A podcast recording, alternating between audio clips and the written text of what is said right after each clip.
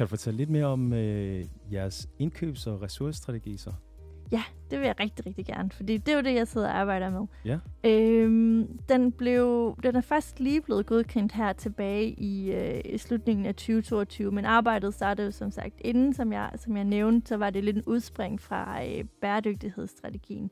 Øhm, og jeg blev ansat her 1. september, så jeg har siddet og arbejdet med det i syv måneder nu, må næsten være.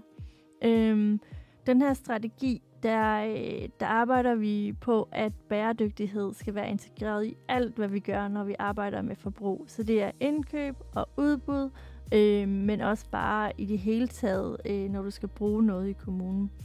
Øh, vi, vores vision det er, at vi rigtig gerne vil skabe en øh, bæredygtig forandring i kommunen, øh, være med til at understøtte den, så med fokus selvfølgelig med forbrug, og så er vores mission det er også, hvordan kan vi finde nogle bæredygtige løsninger på nogle af de her øh, indkøbs- og udbudsproblematikker. Øh, Arbejde også med innovativt med tingene.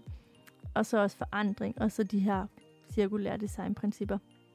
Og så har vi tre bundlinjer, som vi går efter, som jeg også øh, som jeg lige kom ind på tidligere, at vi i stedet for kun at tænke, når vi, skulle, når vi skal lave et udbud eller købe noget ind, hvad er billigst, jamen så ser vi på, øh, hvordan kan vi få det sociale, sociale ind, øh, hvordan kan vi få det miljømæssige ind, og hvordan kan vi få det, øh, det økonomiske ind også. Så alle tre er noget, der vægter øh, ind i den her beslutning.